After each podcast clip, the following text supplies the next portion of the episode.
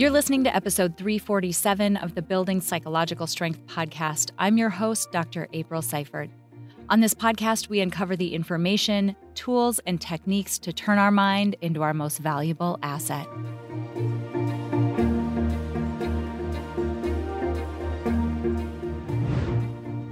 Hello, friends, and welcome back to this episode of the Building Psych Strength podcast. I'm Dr. April, and I'm so glad that you're here. You know, it's interesting because in the last couple of years, mental health and mental well being have really risen to be topics of interest, both you know, personally among people and also professionally. We're having a broader discussion about what it means to support our mental well being, and that is incredible. One of the things that still persists, though, is this idea of stigma, this notion that if somehow you are working on your mental health, whether it is preventive or whether you are addressing something that is actually concerning to you, that somehow something's wrong with you, or that you're weak, or that you have problems. And that's just simply not the case. Mental health and mental well being are as critically important to us and the way that we experience life as our physical health and well being. And we should have the same open mind and the same open heart to our own and others' mental well being as we do to just people who decide they want to go to the gym. So, today's episode is a really special one because we're really starting to address some of the stigma behind mental health and mental well being. And starting to bring out into the open these conversations that desperately need to be had. There's a reason why so many people are focused on mental health and mental well being right now, it's because we've all been struggling for the last couple of years.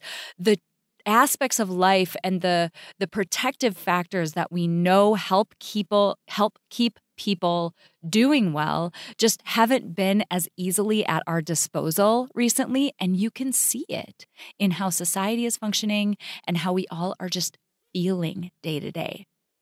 And so this discussion of how we can more openly seek help and more openly talk to others about our own experience, about their experience, and about mental health is critically important.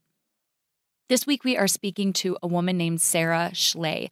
I actually met Sarah interviewing her for a summit that I helped the Heart Mind Institute with, you know, recently. They did their Global Resilience Summit and she took part in that. And I knew when I talked to her, I needed to have her on the podcast. Sarah is the author of the acclaimed memoir brainstorm from broken to blessed on the bipolar spectrum. She's a business consultant, a speaker, and an author who's led organizational transformations at renowned companies around the world. She is also a mother, a grandmother, a community leader, and has been married to a great guy for 26 years. Here's the thing she also has a bipolar 2 brain on the bipolar spectrum. We're going to talk about what that means. Sarah has kept this mostly a secret for four decades. Four decades. She lived with this, all kept to herself. That is until now. She's choosing to tell her riveting story from broken to blessed to save lives, end stigma, and optimize healing for millions. Regardless of whether you think you might suffer from something on the bipolar spectrum or someone you know, Mental health and mental well being is a conversation that we need to have more openly. And I'm absolutely thrilled to be part of that conversation today with Sarah Schley. All right, hang out for one moment. We'll be right back.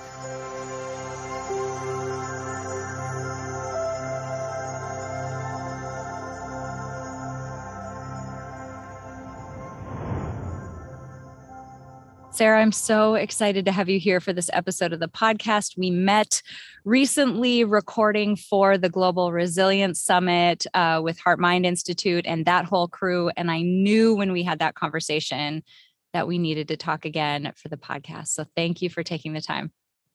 Thank you so much, April. I'm thrilled to have an opportunity to to chat with you again. You know, it's amazing. I almost want to start going, you know, from the current day backwards because can you maybe just describe your current situation to us today? Like what you're doing professionally and the level at which you're doing it today? Because I want to set the stage for people about the level of success you've achieved in what you're working on today, this mission, just vision that you have today, so that when we start to talk about your past, um, it really puts it into context. Well, I have a consulting company that's dedicated to sustainability and worked for three decades uh, with major corporations on environmental sustainability and social justice. So, you know, household names like Nike and Ford and British Petroleum and World Bank, but also smaller companies like Seventh Generation and most recently Eileen Fisher. And I've been really dedicated to sustainability from the inside out, um, integrating a systemic approach and I've had the opportunity to work with, you know, amazing people in this field for, like I said, almost 30 years. That's incredible. And I think it's incredible because you have been working at that level yet. One of the big stigmas around mental well being and mental health is that almost if we admit that something might be going on or we seek help that somehow that means we're not going to be capable or it's going to close off opportunities for us. So now i kind of want to go back and have you tell people your just give us kind of the high level overview of your mental health journey specifically back when you weren't talking about what was going on with you and then kind of the discovery of what was actually happening to today where you're so much more open and revealing this piece of you that you've kept hidden for so long yeah i mean well specifically to the risk you're talking about with coming out so to speak with your professional colleagues i didn't tell people for 40 years mm. i mean mm. really open in the, only in the last nine months did i fully tell all my professional colleagues and even just a couple nights ago, I gave a book talk, and some of them were there and they're like, wow, we never knew this about you. So that gets into the whole conversation about the stigma, which I know we want to dig into. But um, to, to rewind the tape 40 years ago, um, I was a senior at Brown University. You know, it seemed like I had it all. I was playing varsity sports. I had fabulous friends. I had a 4.0 in science. I was going to one of the best medical schools in the country in the fall. Um, and then it was like a flip switched in my brain and all of a sudden it was like i'd been abducted by an alien. Mm. uh, and then there's a whole story that comes after that but it was it was like night and day for me this experience. And 40 years ago yeah. That's incredible. And did you know so this happened did you suspect or have any idea what might be happening with you at the time yeah i mean i didn't make a connection i i did my mother and my grandfather both suffered greatly from mental challenges which i would later come to find out you know what their diagnosis was and stuff but i didn't make that connection because i'd been such a high performing kid i mean mm. i was mm. 21 and i like i said i had just been sort of sailing through i had trauma from you know from my home that lots of folks have but but inside of my capacities and my functioning and my you know um, uh, capabilities i had no idea and it was just it just literally it was like you know it was like you fell off a cliff and were tumbling head over heels with no way of stopping yourself I feel like we're going to dispel a lot of misconceptions today. One of them you just touched on that, you know, so many times we are,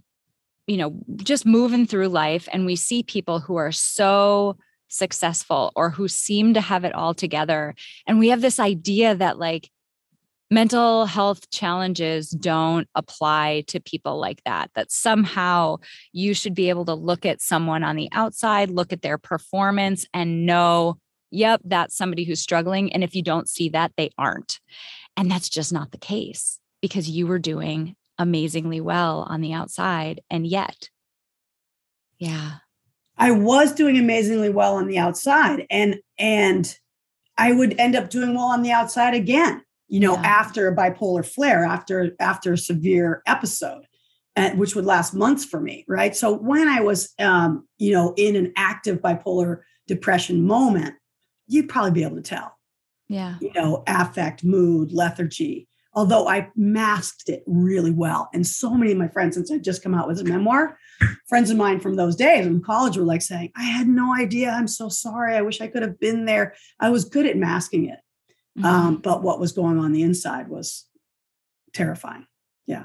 What did it look like for you to seek treatment? I'm interested in this because when I think back, this is this is a slightly different analog, but um, I've lived with multiple sclerosis for 25 years, and I remember seeking treatment for it when I was a kid, and no one believed that that's what it was. They tested me for everything else, and it was this like two year process to really start to even narrow in and get close to what it ultimately ended up being. And those can be some really harrowing journeys. So I'm curious as to what it was like for you to go seek treatment and ultimately finally figure out what in the heck was going on.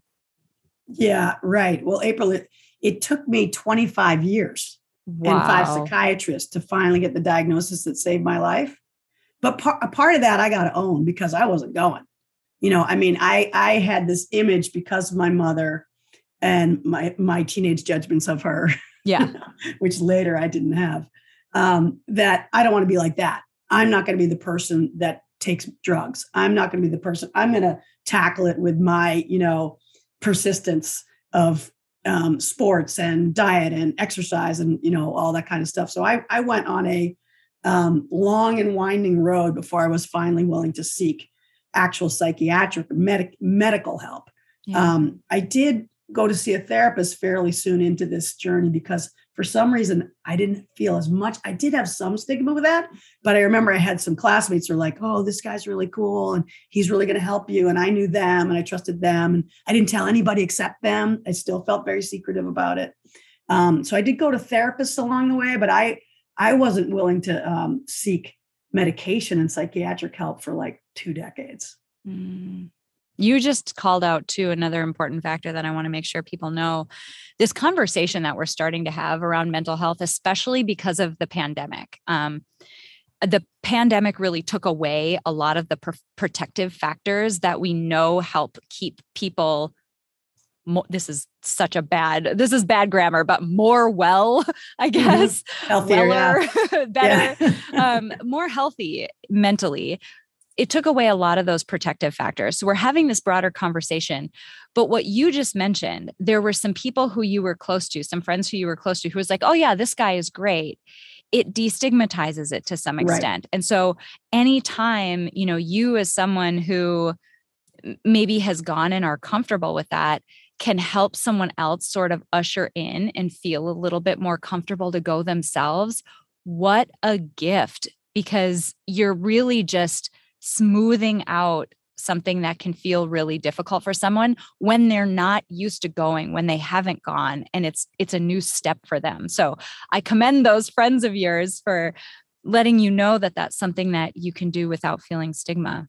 Yeah way back then. Yeah oh sure. Now i like sell therapy left right and center yeah i, yeah. I mean i do think it's part of um there's a diamond approach that some of the bipolar docs that i've gotten close with use which is um, therapy, medication, support from your community, and then behavioral changes, the things that we can do, diet, Amazing. exercise, etc. Yeah. So I'm all for that. Yeah. Yeah. So you went you went to five different psychiatrists long journey to try to figure it out how did you ultimately determine um, what the right diagnosis was and can you just give us an overview of what bipolar 2 is because yeah, i don't think yeah. it's very well known no, definitely not known. Um, so you know when i my experience of myself when i when i'm sick or when i have a bipolar flare i call it or depression is severely what we would think of as depressed you know mm-hmm. lethargy low affect low self-esteem not wanting to do anything no pleasure in uh, activities that i used to have fun with right and so if someone like me walks into a doctor be it a primary care physician where most um, therapeutic interventions begin. You probably know that. Yeah. And that's a whole other story. Yeah. But whether, whether it's your regular primary care doc or a psychiatrist, if I walk into that doctor, they see someone depressed. And most likely, I'm going to get an antidepressant, right? So I'm going to get one of those classic Prozac family, SSRI, right? Serotonin, uh, what is it? Selective, Selective serotonin, serotonin reuptake yeah. inhibitor. SSRI, but basically Prozac, those that you've heard of. And the problem um, in my case is that with the bipolar brain that I have, that drug can make me worse, much worse. Oh. All right. So it can it can actually make my symptoms worse. It can actually increase suicidality, increase anxiety, increase um, uh, what's it called when you can't sleep? Insomnia. So those drugs made me worse and worse. And then when I go back, the doctor has the mental model, you know, the mindset that says, oh, she's depressed. She looks worse. Let's give her more of that drug. Oh, wow. Right. So it becomes a vicious cycle. And um, and and this has huge impact for I'll give you a stat in a moment. But um, so how do you find out that this person is actually bipolar? Well, it was the fifth psychiatrist that I went to who was an expert on bipolarity and had decided to continue studying it. He's in the 70s then, right? And when I asked him, why did you get it right, number five, and the other four practically killed me? He said, because I knew my patients' lives were at risk, I have to keep learning. Wow. So he's a total hero. And so he gave me a bipolar spectrum diagnostic test, which took all of 15 minutes, 11 questions to properly diagnose what had eluded medical world for 25 years that I'm actually bipolar. That's incredible. Right? That had it's to have felt like, I, mean, probably a mixture of emotions at that yeah, moment.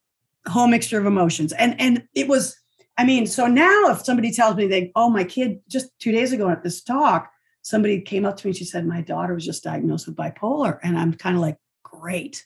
I don't mean to, you know, I don't mean to like um, diminish the pain and scare fear of that, but it's good to have a diagnosis because yes. then you can treat it. So, um, because for me, and I have to keep saying for me because it's not true for everybody, but in my case with my bipolar bipolar brain, the unipolar drugs practically kill me, and the bipolar drugs are miraculous. They work. Here I am mm. today talking to you, and you know, knock wood. So, getting the right diagnosis and the right medication is a life saving miracle. And it only took 11 questions. But you had to have the doctor that had the mindset and the education that a bipolar spectrum exists. So now you're going to ask me, what's a bipolar spectrum, Sarah? Exactly. Yes. Right? And where does bipolar 2 fit onto it? And how? Yeah, like, exactly. Yeah, so, yeah, yeah, yeah. I mean, I think in my book that we've talked about, which is called Brainstorm from Broken to Blessed on the Bipolar Spectrum, I very on purpose put the bipolar spectrum in the subtitle because I want people to say, what's that?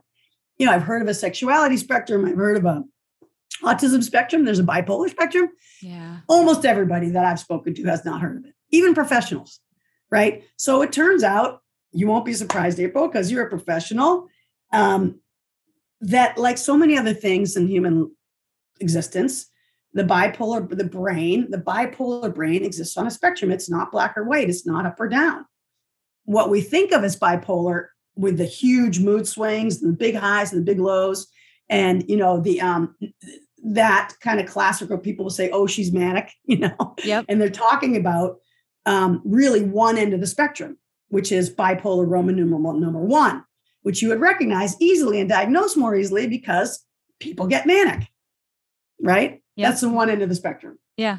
As you go down the spectrum you don't have all the same symptoms. So in my case i don't show mania. Mm. Um,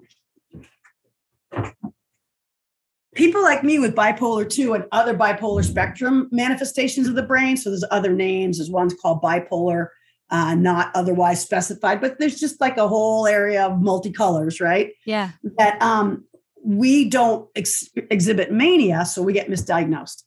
Wow. I'm but, curious about these 11 questions. Was there something that stuck out? Now you don't have to remember like a detail like I can word tell you what they were. word.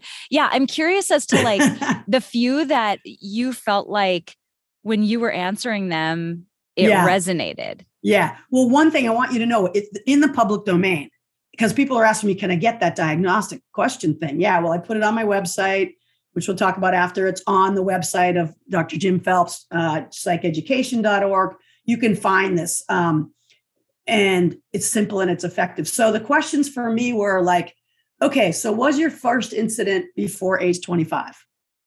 Yep. I was yeah. 21. Yeah. Do you have any family history of mood disorders? Well, yeah, my mother and my grandfather suffered horribly from this. you know, and and and then he goes, and did they ever put you on a SSRI and a Prozac? I said, yeah. And when they did, did it make you better or worse? Or did you start to feel better, but then much worse? Because sometimes it works in the beginning. And I go, yeah, absolutely. You know, it made me crazy. He goes, that's it. We know what you've got. Wow. I mean, it was that. Well, there were 11 questions or a few others, right? Sure. But you had to like three right to be bipol- bipolarity. And I had like eight out of 10. Um, right? So Not like, to laugh at you, but it's like I know, no, it's like this whole journey to get here, and it's so clear all of a sudden. We're laughing now, but really could have killed me. Yeah. I mean, and and when you think about, I mean, I'm being, you know, it's not flippant, right? Because like I could have left my kids without a mother. You know, yeah. I mean, the the the the world of hurt that is left behind by one suicide, right? Never, ever that family never heals. Right. So, so I learned in doing research for the upcoming TED Talk that um, check this out, April. I could ask it to you as a quiz, but I'll just say it. Um, so, well, is incidence of suicide higher or lower in bipolar versus regular depression, or same? I mean, I would. Ass- I don't know. Actually, I would assume higher. Bipolar people are twice as likely to take their own lives. Wow. As people, any any kind of bipolar, anywhere on the spectrum. So I'm twice as likely, heaven forbid, to take my own life as someone with depression, but I'm misdiagnosed as depressed. It's yeah. de- it's very literally lethal yes. if we don't get these diagnoses right. Yeah. And, and it's like a friend of mine calls it the depression imposter. Wow. Oh, too. Because she works with postpartum women, and a lot of them are actually bipolar, but di- get diagnosed as unipolar that was actually a direction I was going to go because I think we talked about this a little bit on global resilience, and I've definitely talked about it on the podcast. But the fact that you went to five different psychiatrists is another point that I want to make very clear here. If you're going and you're not improving, you're not getting the outcome that you're looking for, go to someone else, go back, try again, because I've talked very openly on the podcast about my own postpartum journey. I had very severe postpartum anxiety. No one knew what postpartum anxiety was. And this was not that long ago. This was a, handful of years ago, six and a half, seven years ago. And at the time, you go in for your your couple postpartum checkups, which is terrible if that's all we do, but you go in for your checkup and they give you this, it's basically a depression inventory. And I passed that thing with flying colors. I look like the most non mentally having any issues. Like I look like I was doing great. They missed it. It wasn't until I'm like, I'm not okay. And I'm trained in this. I'm and I had no idea what it was, but I knew I was not okay. And I kept looking and I stumbled across a postpartum anxiety scale. And it was like the tears started tr- streaming down my face. I'm like, that is me. It's not that I don't. So in my case, my the the items that did it, it wasn't that I don't enjoy my everyday activities and the type of thing that would bump you up for depression in terms of like likelihood of having depression. It was that I felt like a caged animal. I was like, please let me leave. Can I leave? Can I get out of here? Like, I felt like I wanted to run and escape. And there were a bunch of other symptoms like that. But it took me going to my doctor for a second time and looking him in the eye and saying, I'm not depressed. Okay. I'm anxious. Like, this isn't depression, but I am not okay before something happened. So that whole soliloquy is to say, keep going because this isn't, the mind is a very complex organ in a lot of ways. And it isn't a slam dunk to get the right answer immediately. Your case shows exactly that. Exactly. And then, but one of the challenges keep going, right? Is when you are have a bipolar depression or another kind of depression, you don't have the energy to keep going. Agree. I mean, I could barely pick up the phone. So I think this is where the allies come in, you know, whether it's um, sister, mm-hmm. brother, mother, father, kid, partner, friend. Yeah. Is like if your friend or your um, beloved is not getting the results they need, you got to help, you know, persist um, because they may not be able to do it. So what I what I did is like, you know, I would take the textbook from uh, Dr. Phelps, the guy with the diagnostic um, test for bipolar, I'd say, guys, look up page 42. Take this to your psychiatrist. If someone was calling me from, you know, Minnesota, yeah, that knew about my story, or luckily my doctor um, is was very is very open to input because it's an art, not a science. They don't know exactly how these various medications work. So, you know, yes, be persistent, keep at it, bring a book with page 42, show them because so many of these guys and gals, you know, if they were trained before the most recent um, diagnostic statistical manual, the thing that doctors and therapists use to diagnose, if they were trained before the most recent one, which only came out a few years ago, and they stopped learning after medical school in 19 in 2005, they might not know. You're going to have to advocate. Yeah. Yes. You brought up a great point of uh, allies and people around us. What is your what is your advice for them and how they can help? One, how to recognize when someone might need help and then two, how to do it because so many times I find when people want to be that support person, that awkwardness creeps in.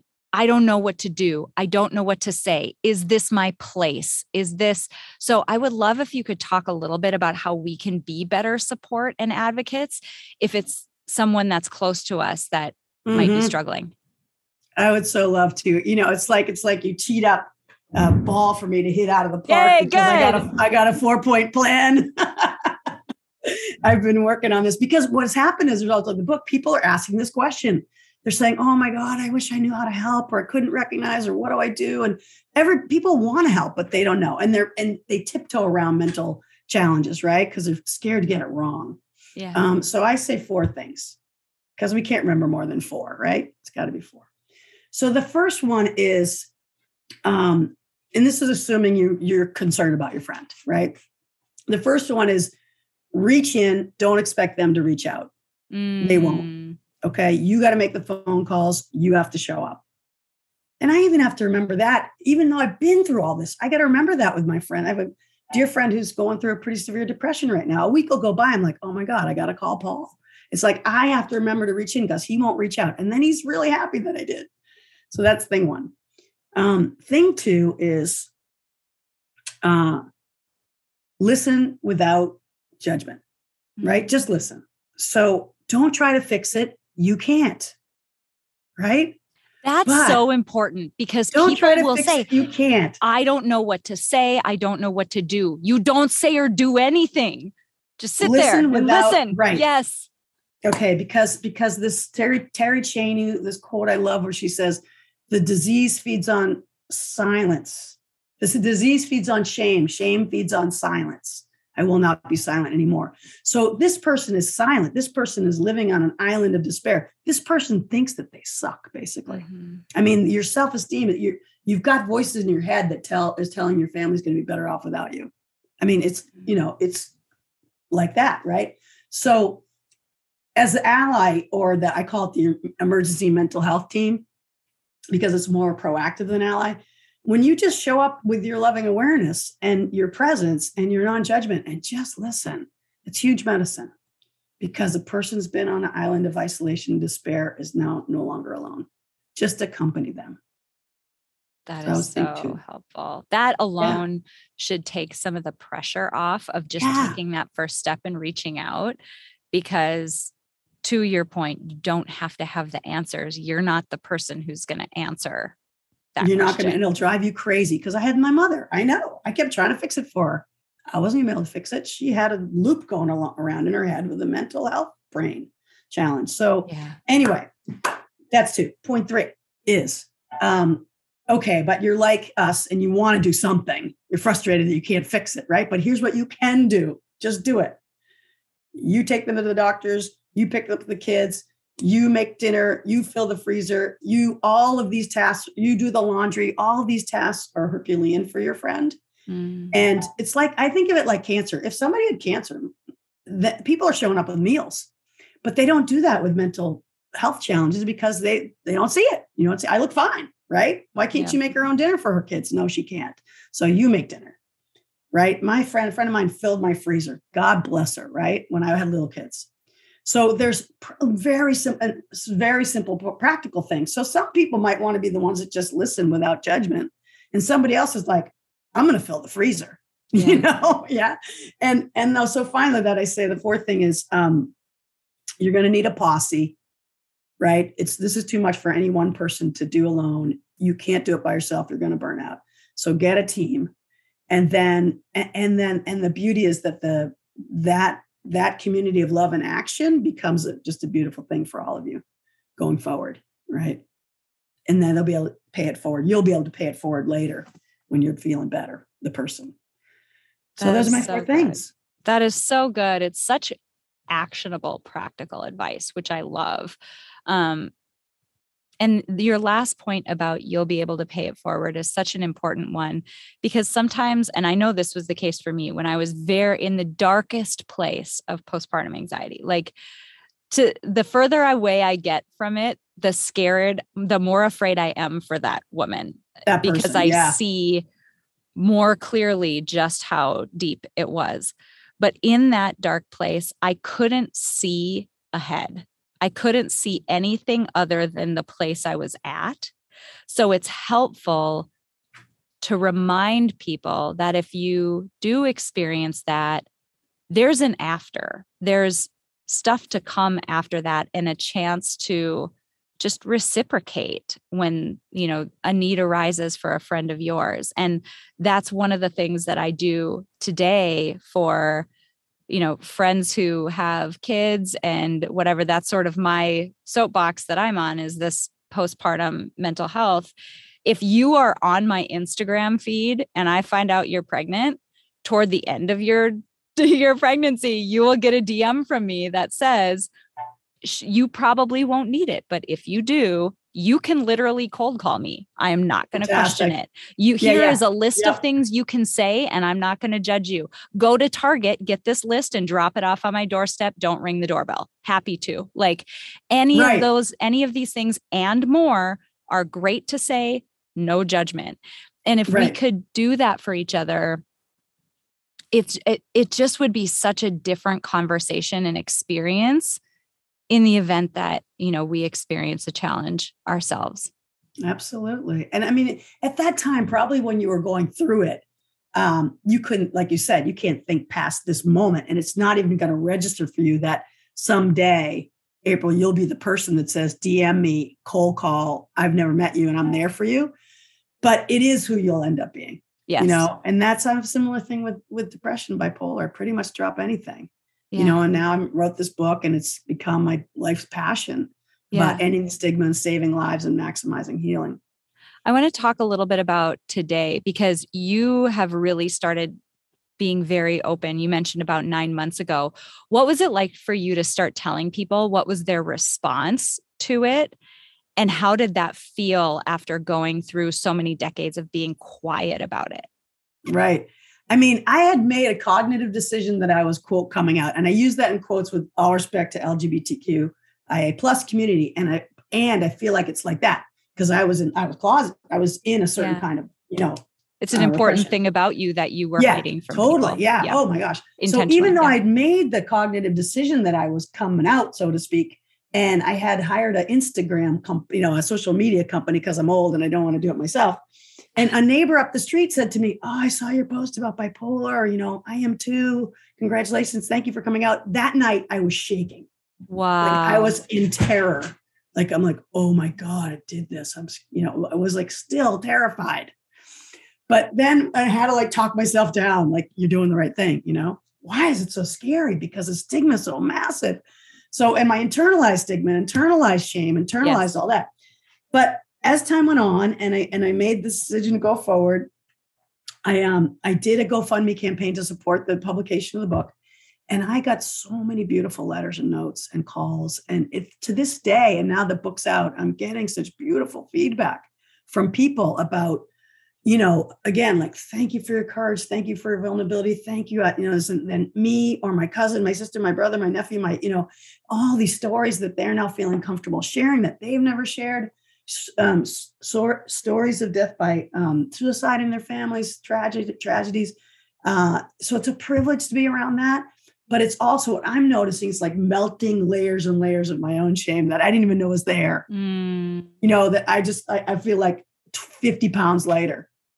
And I You've didn't carried it, it, for so long. You yeah. just didn't even realize it was there. Yeah, I didn't even know, you know, and now it's all out, you know. And when I did one of these um like book talks on Zoom, and my kids are in the opening of, of the book. They're like 17 at that point, 20 now.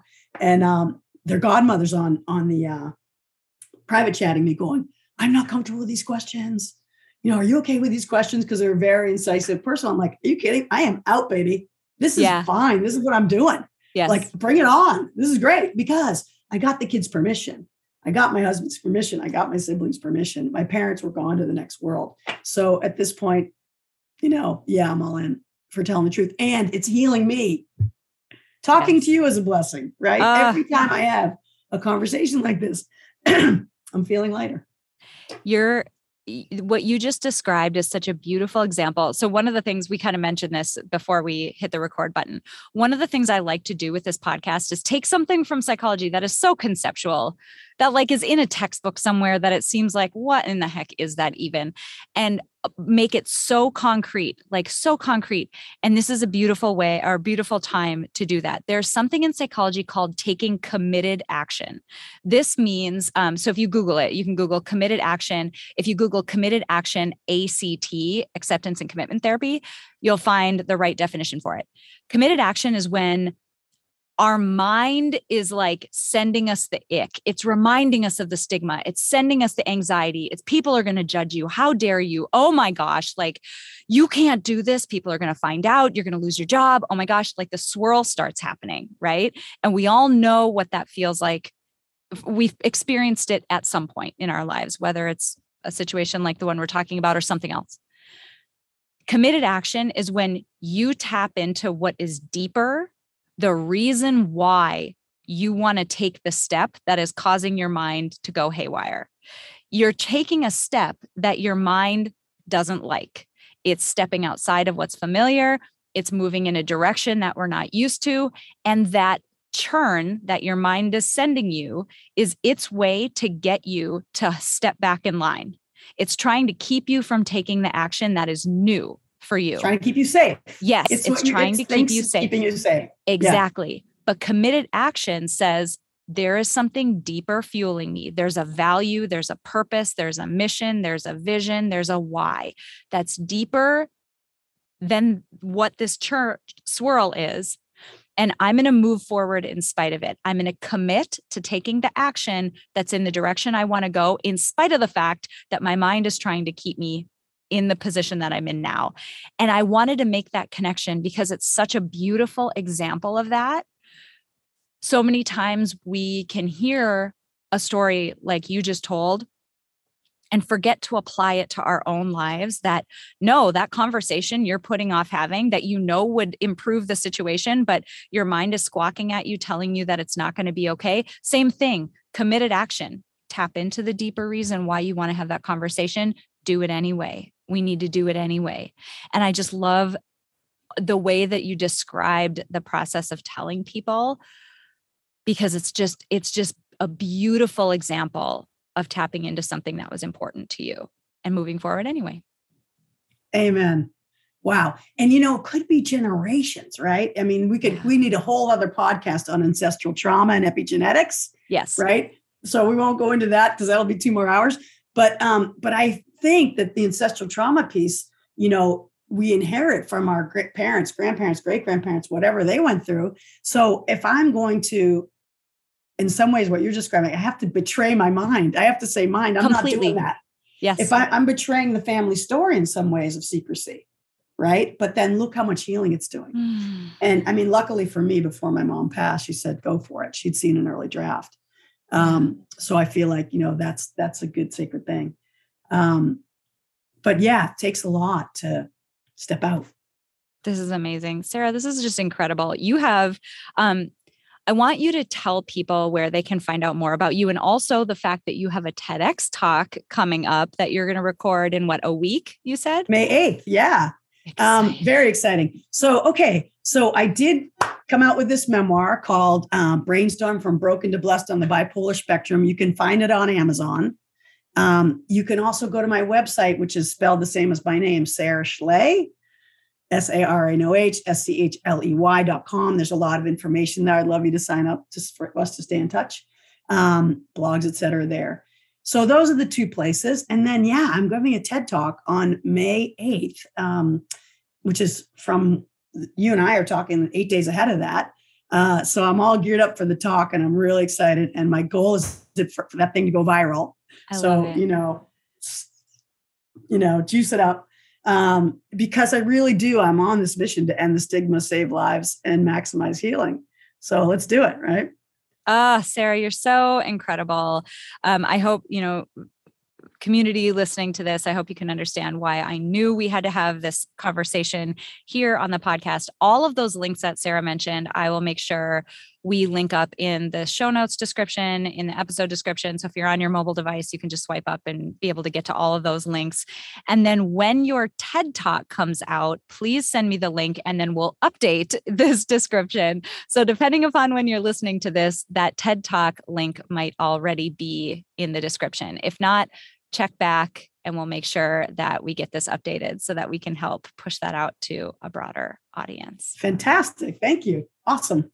This has been so such a pleasure. It is such a breath of fresh air to speak so openly and honestly about something that, and now I'm talking just like any challenges, mental health and mental well being wise, that will affect, dare I say, all of us at some point in our lives. And so I just applaud the fact that you are using your platform and using your energy to help bring just a more open conversation to this and help educate people. So, Sarah, I'm a huge fan and I'm just so appreciative. And I'm a big fan of yours, my friend. I guess we're in the same tribe. I love it. I love it. Well, friends, I hope you enjoyed this conversation. I have a few resources that are very important that I want to make sure that you have. So hang out for just a minute. We'll be back in just a second, and I'll make sure that you've got links to all of those as well.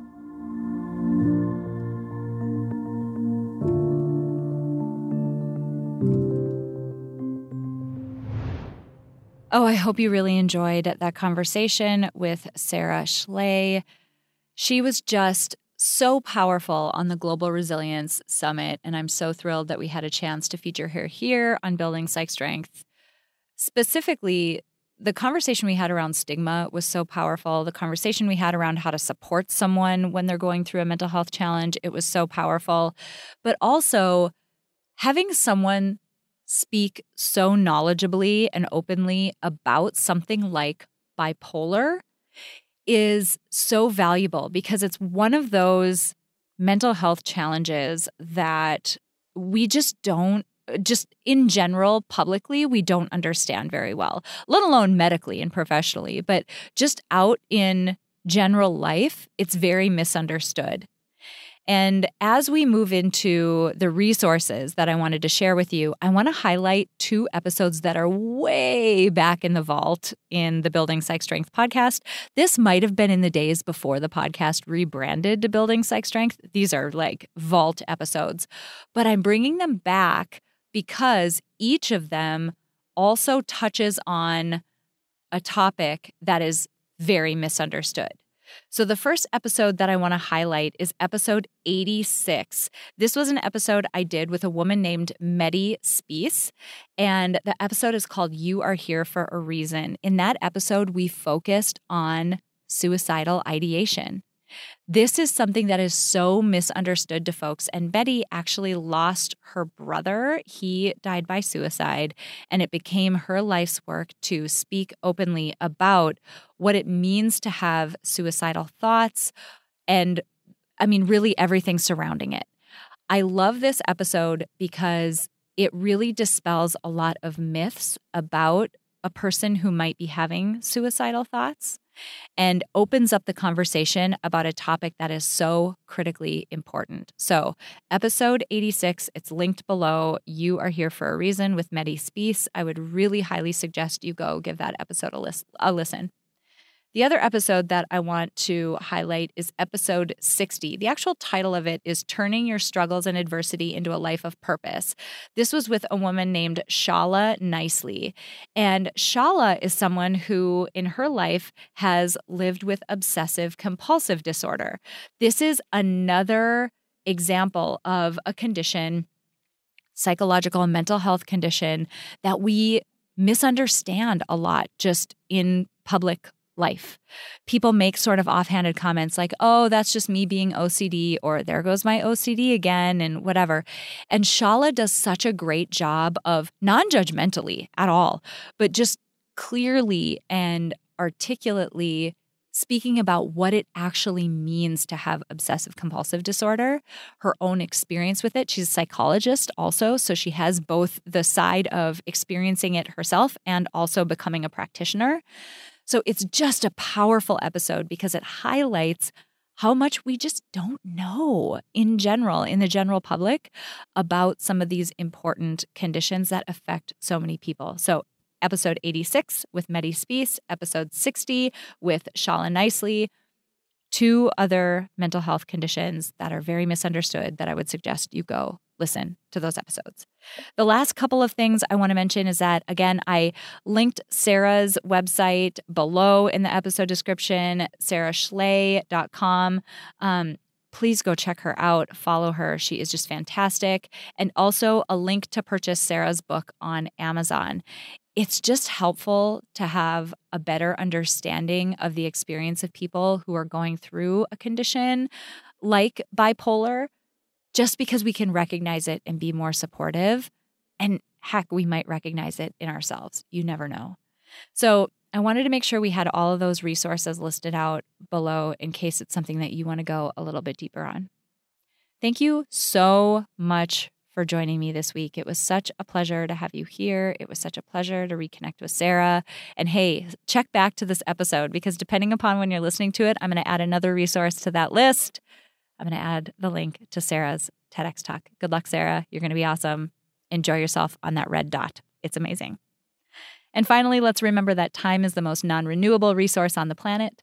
And I'm grateful to each and every one of you who chose to spend some of your precious time with me today. I'm Dr. April Seifert, and I will see you next week.